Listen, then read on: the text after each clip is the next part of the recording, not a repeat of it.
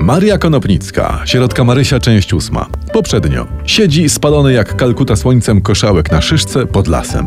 Przechodzący drwal bierze go za purchawkę i zasadza kopa.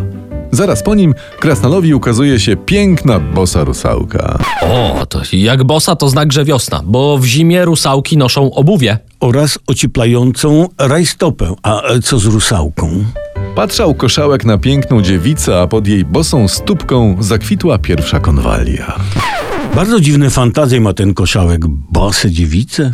A ty byś miał inne, gdyby cię przy pykaniu fajeczki kopnięto w głowę? To nie fantazja, ale prawdziwa pani wiosna przyszła. Tymczasem w kryształowej grocie króla krasnoludków Ciecie, co w grocie? W końcu po siedmiu odcinkach ćwok znalazł wiosnę, a ty akcję przenosisz do groty? Porąbało cię? e, konopnicką jak już. Chłodno i głodno było w grocie. Chłopy cierpiały. A to widzę, że z fantazjami u Konopnickiej też nie najlepiej. Trzy ziarnka grochu wydawano dziennie na głowę jednego krasnala, a najbardziej cierpiał niejaki podziomek, bo miał rozregulowaną przemianę materii. Ale Konopnicka tak napisała? Nie, ale streściłem w ten sposób pięć stron z dzieciństwem i z obżarstwem podziomka. Y, Cierpiał, więc poszedł za koszałkiem wiosny szukać. Ja zaczynam się bać, że z tą sierotką Marysią będzie jak ze sprawiedliwością społeczną. Czyli wiecie? co? No to wszyscy o niej mówią, ale nikt jej nie widział.